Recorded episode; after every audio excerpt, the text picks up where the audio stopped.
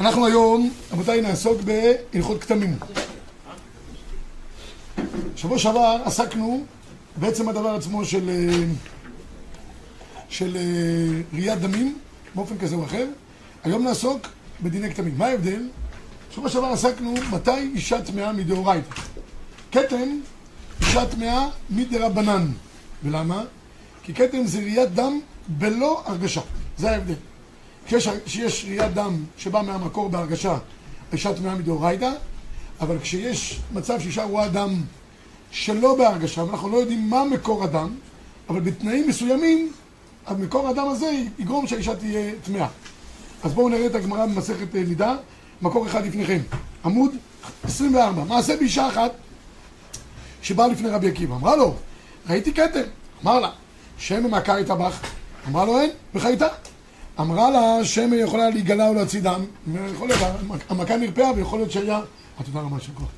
יכול להיות שהמכה עוד פעם כאילו הוציאה דם בחזרה, אמרה לו הן, ותיארה רבי עקיבא, רבי עקיבא תלה את זה במכה, שהיא כנראה פצעה אותה ועוד פעם אה, יצא דם. בקיצור, משם מקור הדם. ראו תלמידה, מסתכלים על... מה, מה זה דבר, רבי עקיבא? רואה דם, מתיר את האישה, מתאר אותה? אמר להם, מה הדבר קשה בעיניכם? לא אמרו חכמים לדבר להחמיר, אלא כן שאומר ואישה כי תהיה זבה. דם יהיה זובה מבשרה. דם ולא כתם. זה ההבדל הגדול שיש בין, בין השיעורים. שפה שם התעסקנו בדם. אנחנו מתעסקים בכתם. זה התעניין, לא מוכנים לדבר להקל, אלא להחמיר.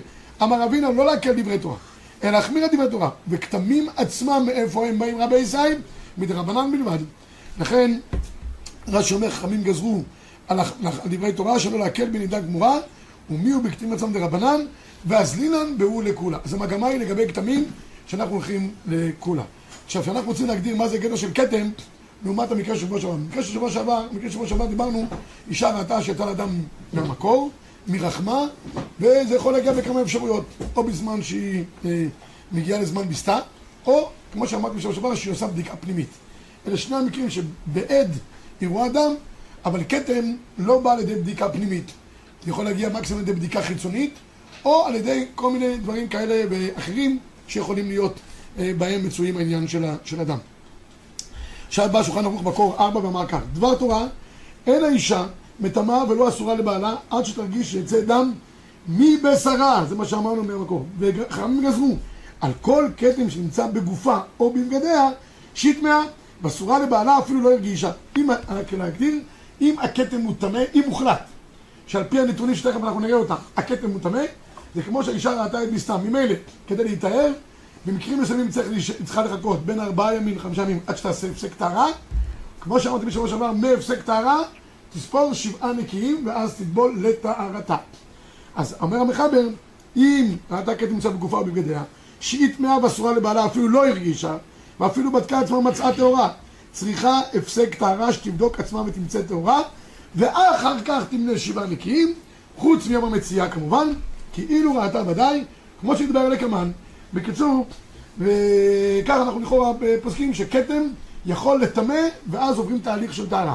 התז בהלכות... אה, לפי זה כל ספק בכתם, הוא ספק דרבנן ואולי לכולם. נכון, אין לכם להעמיד, קודם כל, עוד לפני ספק, שיהיה לנו, אתה צודק מאה אחוז, יהיה לנו כדי שכתם יהיה טמא, חכמים אמרו שיש תנאים מסוימים כדי שכתם יהיה טמא. לא כל כתם שאתה חושב שהוא דם, אוטומטית הוא טמא. היום אנחנו נלמד את כל התנאים האלה. לכן אני אומר, מי שלומד את התנאים האלה כמו שצריך, לא צריך להטריד כל הזמן מורה הוראה שיגידו אם הדבר הזה מאוד טוב. יש דברים פשוטים. אם אתה רואה דברים פשוטים, אז אה, תחליט בעצמך, אתה רואה, זה או טמא או טהור. יש לך שאלות וספקות שתכף ניגע בהם, עד צריך לגשת מורה הוראה. לפעמים מגיעים כל מיני שאלות, אני קורא לזה הטרדה. לא רוצה להגיד איזה הטרדה. זה, זה... לא צריך להטריד אה, רבנים, לא צריך כל להסתכל בזה. אם יש דברים שהם שאלות, צריך לבוא לשאול. ואם אתה לומד, יש לך הרבה מהדברים שאתה לא יכול להכריע בעצמך. הרי בעניינים כאלה, אדם שלמד והוא יודע, יכול להכריע, כתוב שחכם אפילו יכול לפסוק לאשתו. לא צריך להיות חכם אה, בשי בשביל לפסוק. אם יש דברים פשוטים, ברורים, לכאן או לכאן, או שזה טהור או שזה טמא, להכריע בבית. יש שאלות, אתה לא בטוח איזה צבע זה, ואז יש לך ספקות כאלה, אז תבוא לשאול שאלה.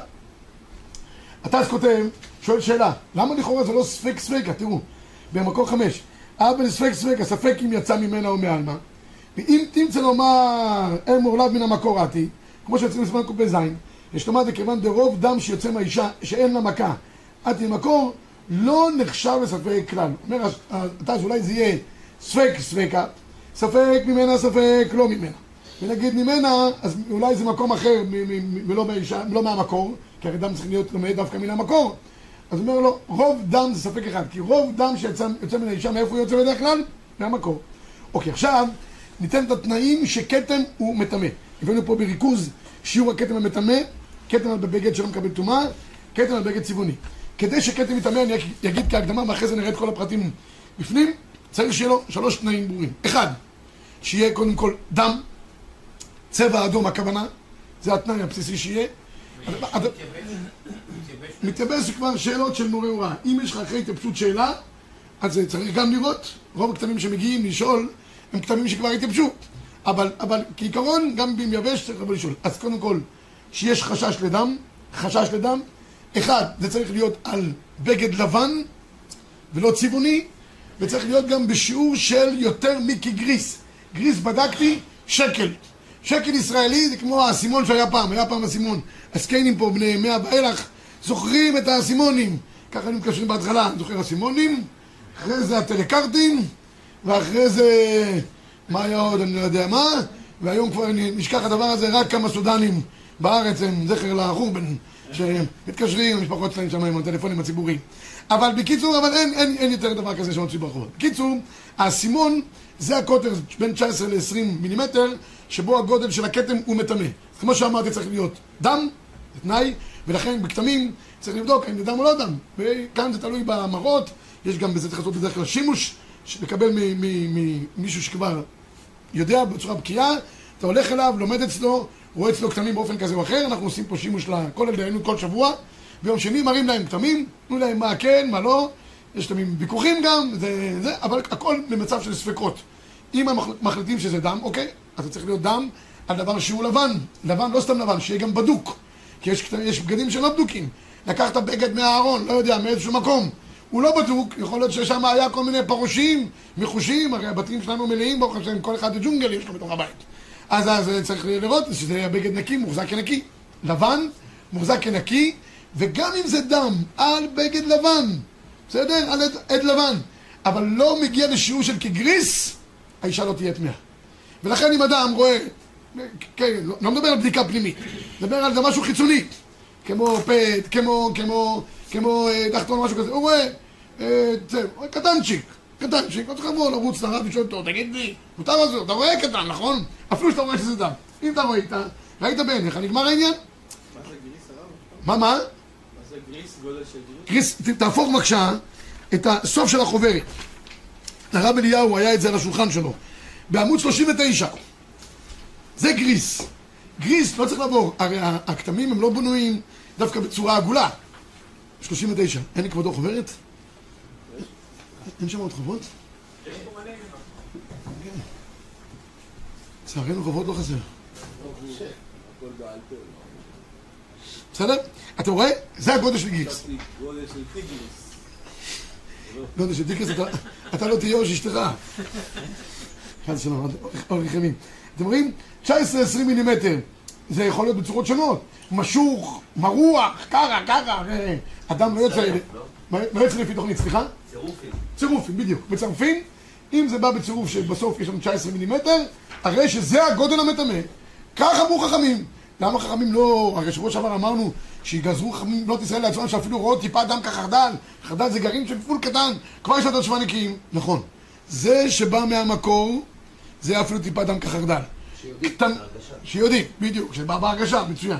אבל מה שאנחנו מדברים עכשיו זה הכתמים, כתמים זה לא דבר בהרגשה, לא בהרגשה, חכמים גזרו, מה שהם גזרו, גזרו, מה שהם לא גזרו, לא גזרו, זכותם לגזור מה שהם רוצים, חכמים הם, הם הקובעים. אוקיי, עכשיו, לגבי שיעור הכתם המטמא, אז אמרתי לכם שהשיעור הוא כגריס, כי הגמרא פה מדברת שאנחנו למעשה, למה עשו כגריס ואילך? עד גריס היו קינים מצויות. עכשיו, לא יודע איזה סוג קינים, לא יודע אם סוג קינים של היום, שמסוגלות להוציא דם בשיעור של כגריס. היום הקינים הם... אה, אבל יש 400 סוגי קינים בעולם, רבי ישראל, שמסתובבים באופן כזה או אחר. וחלקם כנראה היו פעם בתקופת חכמים, שהיית היית לוחץ עליך, עושה לאחד כזה קווץ', כמו שאתה הורג יתוש. יתוש, יש אה, טעם של זה. אז הגמרא אומרת שתולים, שבאמצע הלילה יכול להיות שהאישה מעכה איזה, איזה טטוש כזה, אני לא יודע מה שמסתובב שם, לי יש טיפה דם, בתולים זה נקרא עוון. ב- בכתמים אפשר לתלות. תולים שמערכה איזה פרוש או משהו כזה, והדם מקורו באותו פרוש. ואותם קינים היו מוציאות דם עד כגריס. אם זה יותר מגריס, אי אפשר לתלות שזה בא מהקינה הזאת, כי היא לא, לא מוציאה כמות אה, כל כך גדולה. תראו במקור 6, ו... זה לא ספק רחוק כל כך? מה, מה, מה? זה ספק מאוד רחוק, שזה פרעה או משהו כזה. תולים. לכן חכמים, הם קבעו והם תלו. אם זה היה מצב של דאורייתא בהרגשה, סיפור אחר. דרבנן, הם אמרו והם אמרו. הם אמרו, אנחנו תולים רק בדבר הזה כרגע. תראו, תראו את הגזר של התלייה, מקור 6. תולה בכל דבר שיוכל לתלות. שחטא בהמה חיה ועוף, התעסקה בכתמים, שווה בצד העוסקים בה. הרגה מאכולת, אכולת זה קינה. הרי זה תולה בה. עד כמה תולה? לכן מקנוס אומר, עד כגריס של פול. אף על פי שלא הרגה מאכולת, הרגה היא לא הרגה לא, מתנית אלמני וכולי, הגמרא פה מדברת לגבי עניין של הרגה מאכולת. זה המקור. תראו בבקשה במקור שמונה לפניכם, ככה גם פסק הרמב"ם, ככה פסק המחבר, לא גזרו על הכתם, אלא אם כן יש בו כי גריס ועוד, שהוא כי גריס תשע עדשים, שלוש על שלוש, שיעור עדשה כארבע שערות, אני מדלג להמשך בכל זמן שאין בו כזה השיעור, אנו תולים לומר דם קינאו. אנחנו יודעים? לא. אנחנו תולים, זה נקרא לתלות. אף פי שלא הרגה קינה, אבל מי שיש פה כזה השיעור, אין תולים בקינה. בין אם הוא מרובע, בין אם הוא ארוך, ואם נזמן לגריס יותר גדול מזה השיעור, משערים בו. בקיצור, כמו שהראיתי לכם שמה, לוקחים אה, לפוסקים, יש את הדף הזה שהראיתי לכם בסוף, כזה משתקף, שקוף כזה, שמים את זה על הכתם אם זה משהו גדול.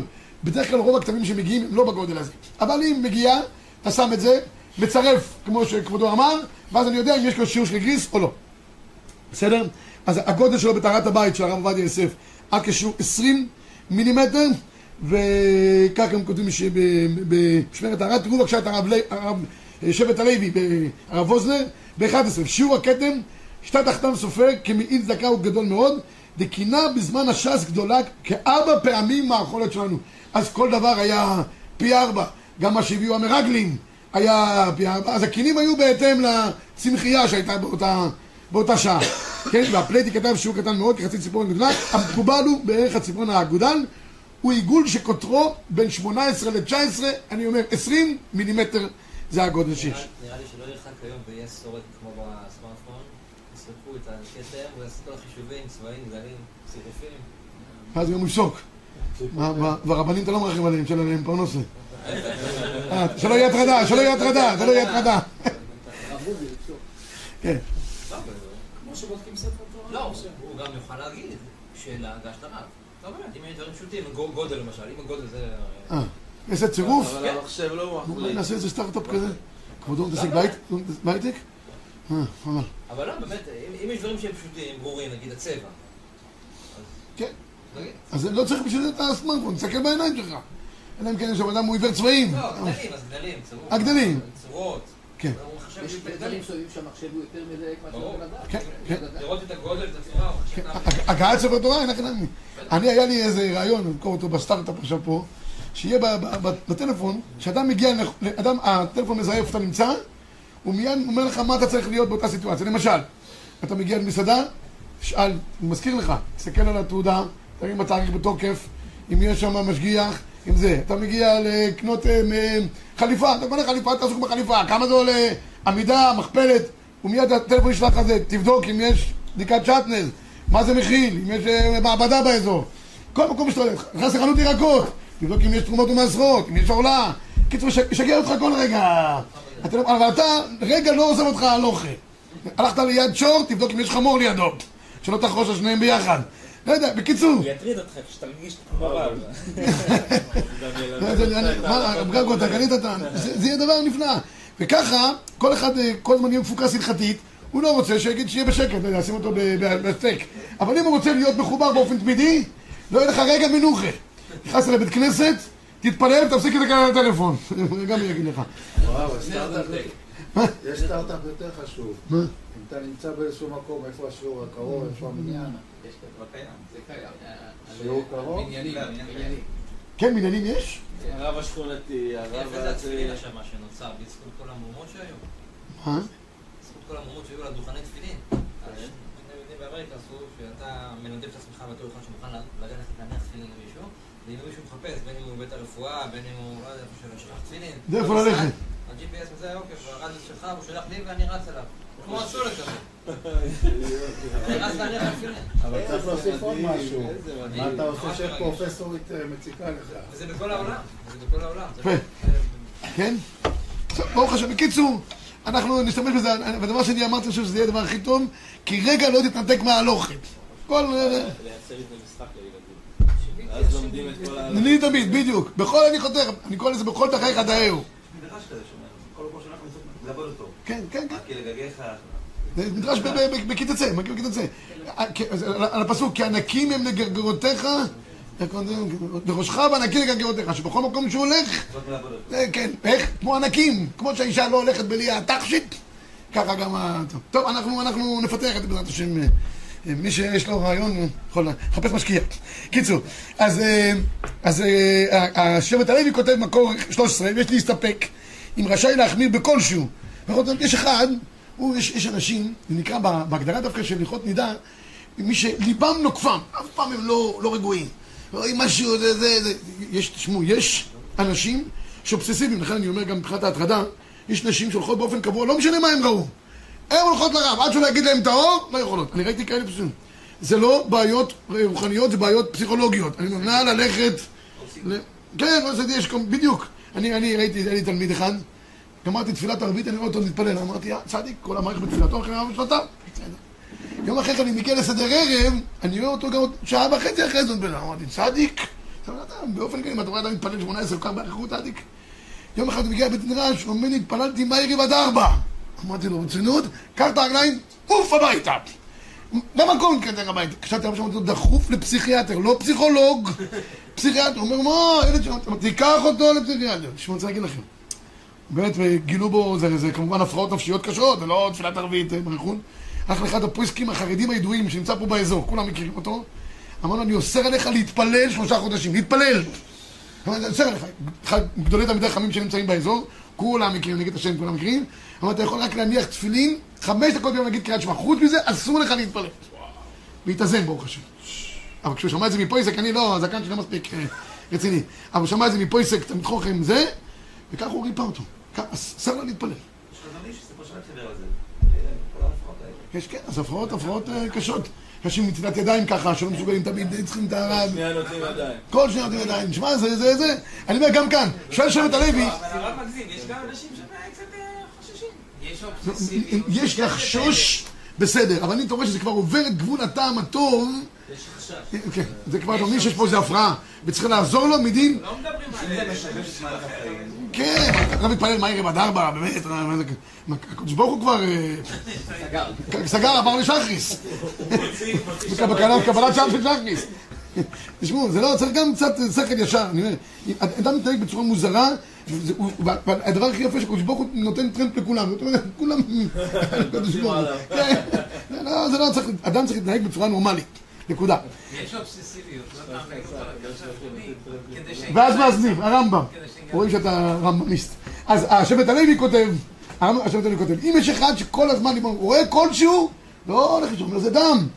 אומר, כתב שאסור להחמיר, תקשיבו טוב, ואם אישה תחמיר פחות מכגריס, מוחין בידה.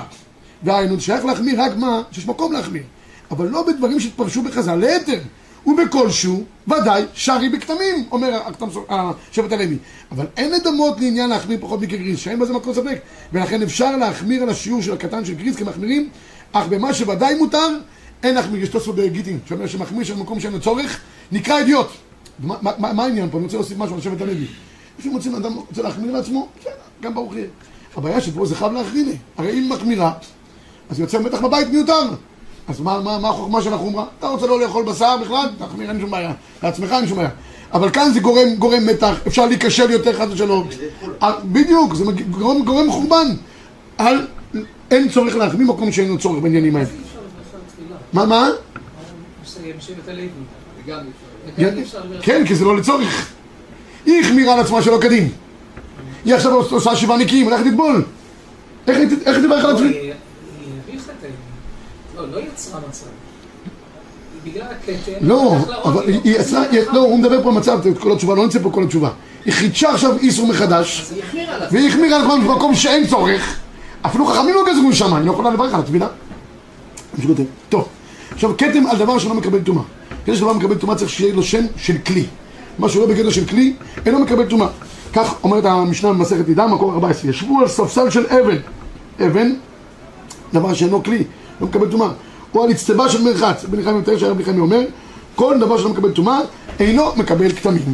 והגמרא מביאה בהמשך, אמר מטה מטה נדרמנה תתיב, ונקטע לארץ תשב, כיוון שישבה לארץ, והארץ דבר שלא מקבל טומאה כי מחובר לקרקע, נקטע, נקודה.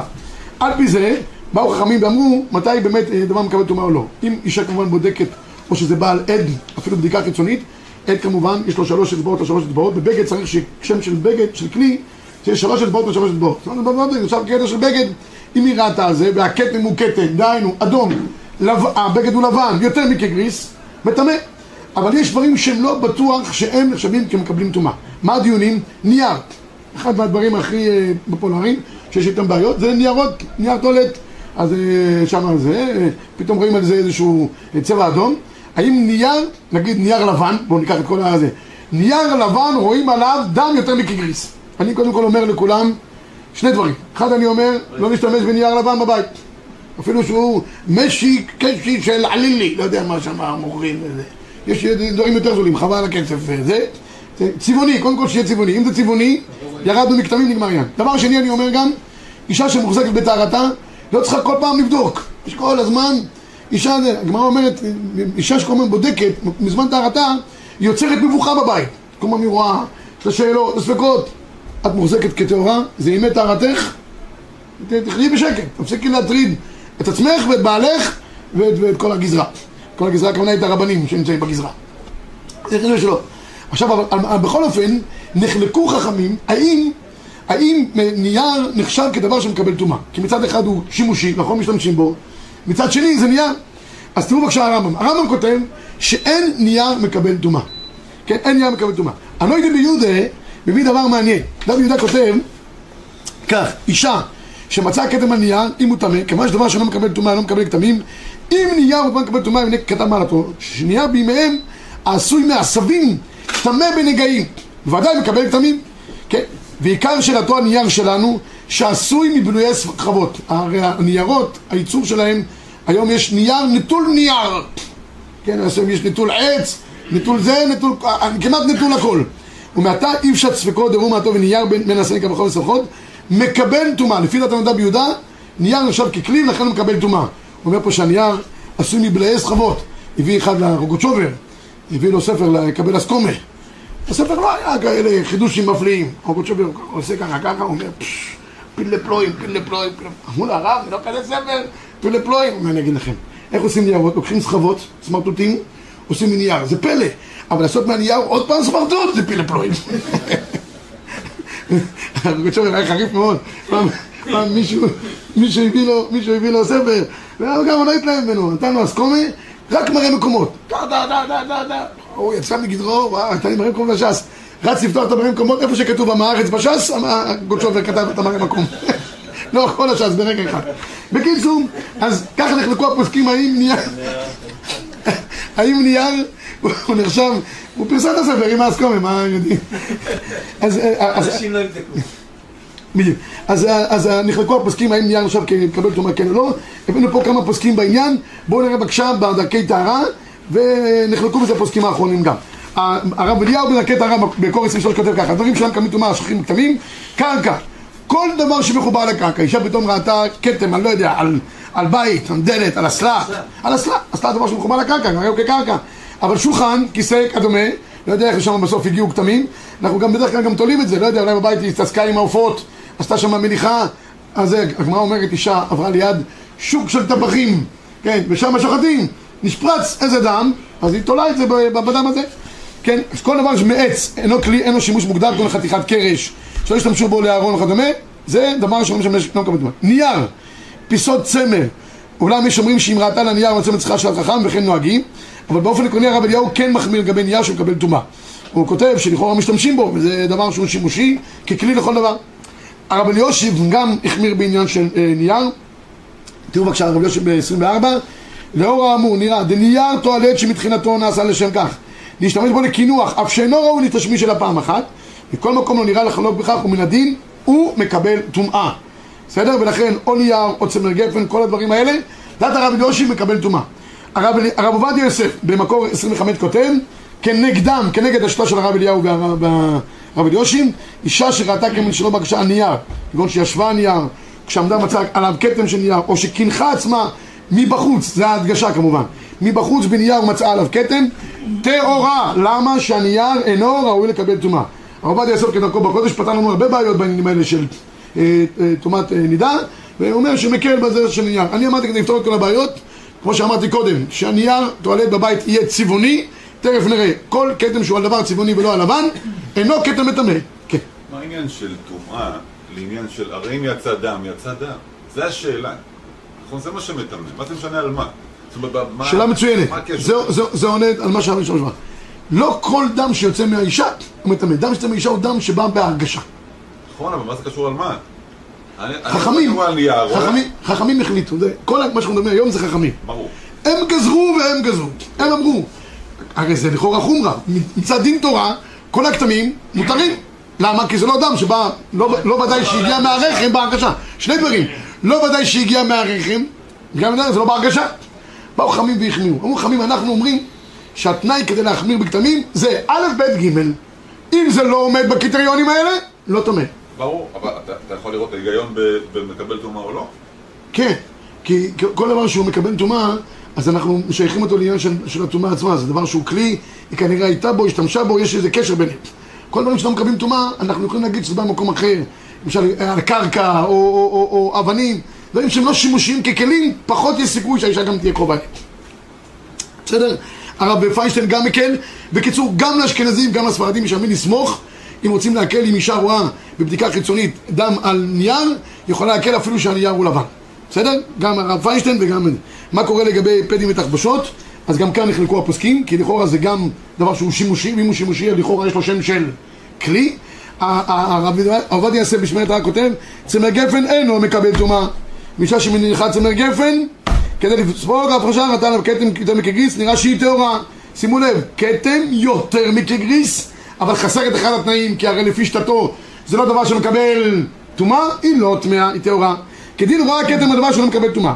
וכן נראה להקל, מה שנוהגות נשים רבות לתת על זה זה ניירות, נמצא עליו כתם, לא, האישה טהורה. הרב אליהו והרב ווזנר כדרכם בקודש החמירו ואמרו לא, הפדים האלה נחשבים ככלי וכן אם זה לבן ובדרך כלל זה צבע לבן. אם יש בו כתם יותר מכגריס האישה טמאה. כך כותב שבט הלוי למעשה נראה להחמיר גם המראה כהן גם הרב אליהו בשלושים כותב איך אה, נייר טואלט וכולי. תשובה לדעתי כולם מקבלים טומאה כי כולם שם כלי עליהם. כך סבר הרב, הרב אליהו זכר צדיק לברכה. כן? איפה היא היא צריכה לראות כדי להגיד וואו יותר גדול כגריס טמאה על מה? על אה, צמר גפן נשאר, על פן... אני אגיד, אני לך, הדבר היחיד שיכול להיות לפי הרב עובדיה, שהיא תטמא, שאלה טובה, טובה שאלת, עד בדיקה, בבדיקה חיצונית, שהוא לבן, הוא בדוק, ויש שם כתם יותר מכגריס, זה הסיטואציה כמעט היחידה לרב עובדיה, שהאישה תהיה טמאה. יבואו לרב, יגידו לו, תשמע, אם יגיד בדיקה פנימית, יגיד לו, אדוני, בדיקה פנימית, למה באת? אל תבלבל לי המוח. שאני צריך ללמוד, צריך ללמוד ש"ס, פוסקים. אז זה, זה פשוט. בדיקה פנימית ירדה טיפה, לא צריך כגריס. מי הטמאה? אבל הוא מספר לסיפור, בא מספר לסיפור, לא, זה בדיקה חיצונית. על עד בדיקה. עד בדיקה תמיד חייב להיות לבן, גם בדרך כלל משומר, בתוך שקיות, שמור, נכון, לא יסתובב בבית עם כל מיני דברים. שם, אם היא תראה יותר מכגריס, תהיה טמאה. זה לפי הרב עובדיה. אה. אה, אה, הרב עובדיה. נכון, אם זה לבן לבן צמוד, צמוד, זה, זה, אין לכם לזה עוד, עוד סיטואציה. תחתון לבן צמוד, גם, יש כוח, עוד, עוד, עוד, עוד אה, אופציה. אבל בחוץ מזה, אני אומר, למשל, בזמן טהרתה של האישה, אין עניין שהיא תלבש לבן. אה, היא יכולה ללבוש את זה. תכף אני אגיד לכם שיותר מזה, אפילו בימי ליבונה, אם יש צורך, אולי ללבוש אפילו צבעונים, ואז את החלק הזה הורדנו. בסדר, ברור רבינו? טוב ששאלת, מיקדת לנו את העניין. אז זה היה לגבי הדבר הזה. עכשיו נעבור רבי ישראל לדבר האחרון, שניגע היום, זה לגבי כתם על דבר צבעוני. כמו שאמרתי לכם, כתמים גזרו רק על דברים לבנים. כמו שגמרא אומרת מסכת ידע מקור 31, תנו רבנן בגד צבוע מטמא משום כתם. נתן הספר אומר, אינו מטמא משום כתם. שלא תקנו בגדי צבעונים לאישה אלא להקל על כתמיהם, תקנו מאי תקנו אלא כשלא הותרו בגדי צבעונים לאישה אלא להקל על כתמיהם. אומר רש"י, למה אנחנו מכירים בגדים צבעוניים? כיוון שאין הכתם ניכר בו כמראה דם גמור. מצוין. ולכן פוסק המחבר ב-33, לכן כתם שנמצא בגד צבוע, צבוע, טהורה. עכשיו, יש פה כל מיני אה, דיונים. אפור כצבעוני. כל הבגדים האלה, כל הזה, בוא, בוא נראה את כל, ה, את כל הגדרים האלה של הצבעים שיש בדרכי טהרה ב-35, חכמים לא גזרו כתמים בגדים צבעוניים, ואיזה משנה אם הצבע הבגד בהיר, צבע הכתם כהה או להפך. בכל אופן, לא גזרו חכמים כתמים על בגד צבוע. יש מחמירים, אומרים ש... שאין בגדים בגדים צמודים לגוף כולה זו, אך הם מחמירים כמותם. בקיצור, אנחנו מכירים כל בגד אפילו שהוא צמוד לגוף, אם הוא צבעוני. לכן, כתם, כ"ג, שנמצא על בגד מגוון מצבעים ובלבן, בחלק הלבן יותר מקרגיס מהכתם, טהורה. אם יש שם חילופי צבעים בבגד, חלקו לבן. אם בלבן יש יותר מקרגיס בסך הכל, בחיבור ביניהם, טמאה. אם זה מתפצל לצבעוני וללבן, אז אנחנו לא מצרפים אותם ביחד, ממילא אנחנו נגיד שהיא תהיה טהורה. אך אם בחלק הצבוע יש המשך הכתם, והוא מגדילו יותר מקרגיס בחלק הלבן, אם יש יותר מקרגיס בחלק הלבן, הכתם מחולק על חלק צבוע, הכתם נמצא עליו גם עליו, היא תהיה טמאה. זה החלק הנוסף. אם בחלק הצבוע יש המשך הכתם, והוא מגדילו יותר מקרגיס, בחלק הלבן, זאת אומרת, התחיל בלבן, נמשך לצבוע, אז תהיה, ויש שם יותר מקרגיס בחלק הלבן, אך הכתם מחולק על ידי חלק צבוע, אז אנחנו נגיד שהיא טמאה. במקרה כזה ראוי להורות למורה הוראה כדי לא להסתבך עם העניין הזה. אה, תראו בבקשה בשבט הלב מ 37, הוא כתב שהחנם סופר כתב שאין להקיים בגדי צבעונים הסמוכים לגוף, ובאחרונים תמו אדרבה, סתם כתם הוא על בגד הסמוך לבשר, וכן יצאו דימי טהרתה, תלך בבגדי צבעוניים, הסכמת רוב האחרונים להקל, שאפילו בגדים הצמודים לגופה, אם זה צבעוני, אין עליהם שם של כתם לטמא אותה. ותשובת מהרשם כתב, לא קיבלו זו, וכן כתבו החזון איש. אוקיי, עכשיו, הדבר האחרון שניגע בו, זה בגד- בגדים צבעוניים לכתחילה בימי ליבונה. יש מצבים שבהם אישה, יש לה ריבוי כתמים, וקשה לה להיטהר בימי ליבונה, היא עושה בדיקות, אבל חוץ מהבדיקות צריכה גם ללבוש בגדים לבנים מעיקר הדין, בימי ישיבה ליבונה, ישיבת העניקים שלה, ואז יש חשש גדול שמה? ש... שהיא לא יכולה כל פעם כמו הכתם, אה, עוד פעם צריכה עוד פעם לעשות הפסק טהרה מחדש, עוד פעם שבעה נקיים, זו בעיה שלמה. אז אומר הרמב"ם מקור 40, אבל כל כלי צבעונים, אין חוששים לכתם הנמצא בהם. לפיכך, תקנו חכמים שתלבש האישה בגדי צבעונים כדי להצילה מן הכתמים. יש בזה כמה ראשונים בעניין, אני רק אסיים את השיעור. ב-43 כותב את זה המחאה במפורש, כתם שנמצא בגד צבוע טהורה, אגב, לפיכך תלבש האישה בגדים צבעונים כדי להצילה מכתמים. אמנם זה נראה בפוסקים וגם בראשונים, שלכתחילה האישה יכולה ללבוש בגדים צבעונים בימי ליבונה, אבל זה לא לכתחילה. לכתחילה ראוי שאישה תלבש בגדים לבנים כעיקר התקנה. רק אישה שיש לה ריבוי כתמים וקשה לה להיטהר, אז כלפיה הקלו. תראו בבקשה הלכה למעשה, ב- בטהרת הבית ב-46, אישה שרגילה לראות כתמים בלי הרגשה, תלבש תמיד בגדי צבעוניים, כי, כי היא רגילה לראות, ויש לה, היא לא יכולה להתאר. ואם תראה עליה כתמים, תעלים עיניה מהם ולא תחוש להם, לא לרוץ לשאול מורה הוראה עם, עם הצבעוני הזה. חבל על הזמן וחבל על כל הקדושה. ואפילו כשסוברת שבעה נקיים, יכולה גם ללבוש בגדים צבעוניים, להציע סדינים של המיטה באופן שיהיו צבעוניים, ובזה תציל עצמה מטומאת כתמים. השבט הלוי כותב, רק הוא יותר טיפה מסייג את העניין, לא כאילו באופן חופשי, שמיד תלבש בגדים צבעוניים תגמור את העניין, רק אומר אישה שאינה יכולה לתאר לבעלה מתאים בגדי צבעוניים, גם בימי ליבונה, כשהוא מקום עיגונה. כי עיגון הכוונה היא שיש שם עיכובים, אבל רק בימים אמצעיים ולא בימים א' וז' של שבעה נקיים. השבט הלוי מגביל את זה בשעה ימים, כי א' וז' זה הימים הקריטיים. רק לגבי בדיקות שנראה אותן בהמשך, חייבת לעשות בדיקת יום ראשון ובדיקת יום אחרון שאחרת היא לא יכולה לטבול. וצריך בזה שאלת חכם, דזו הוראת שעה בלבד.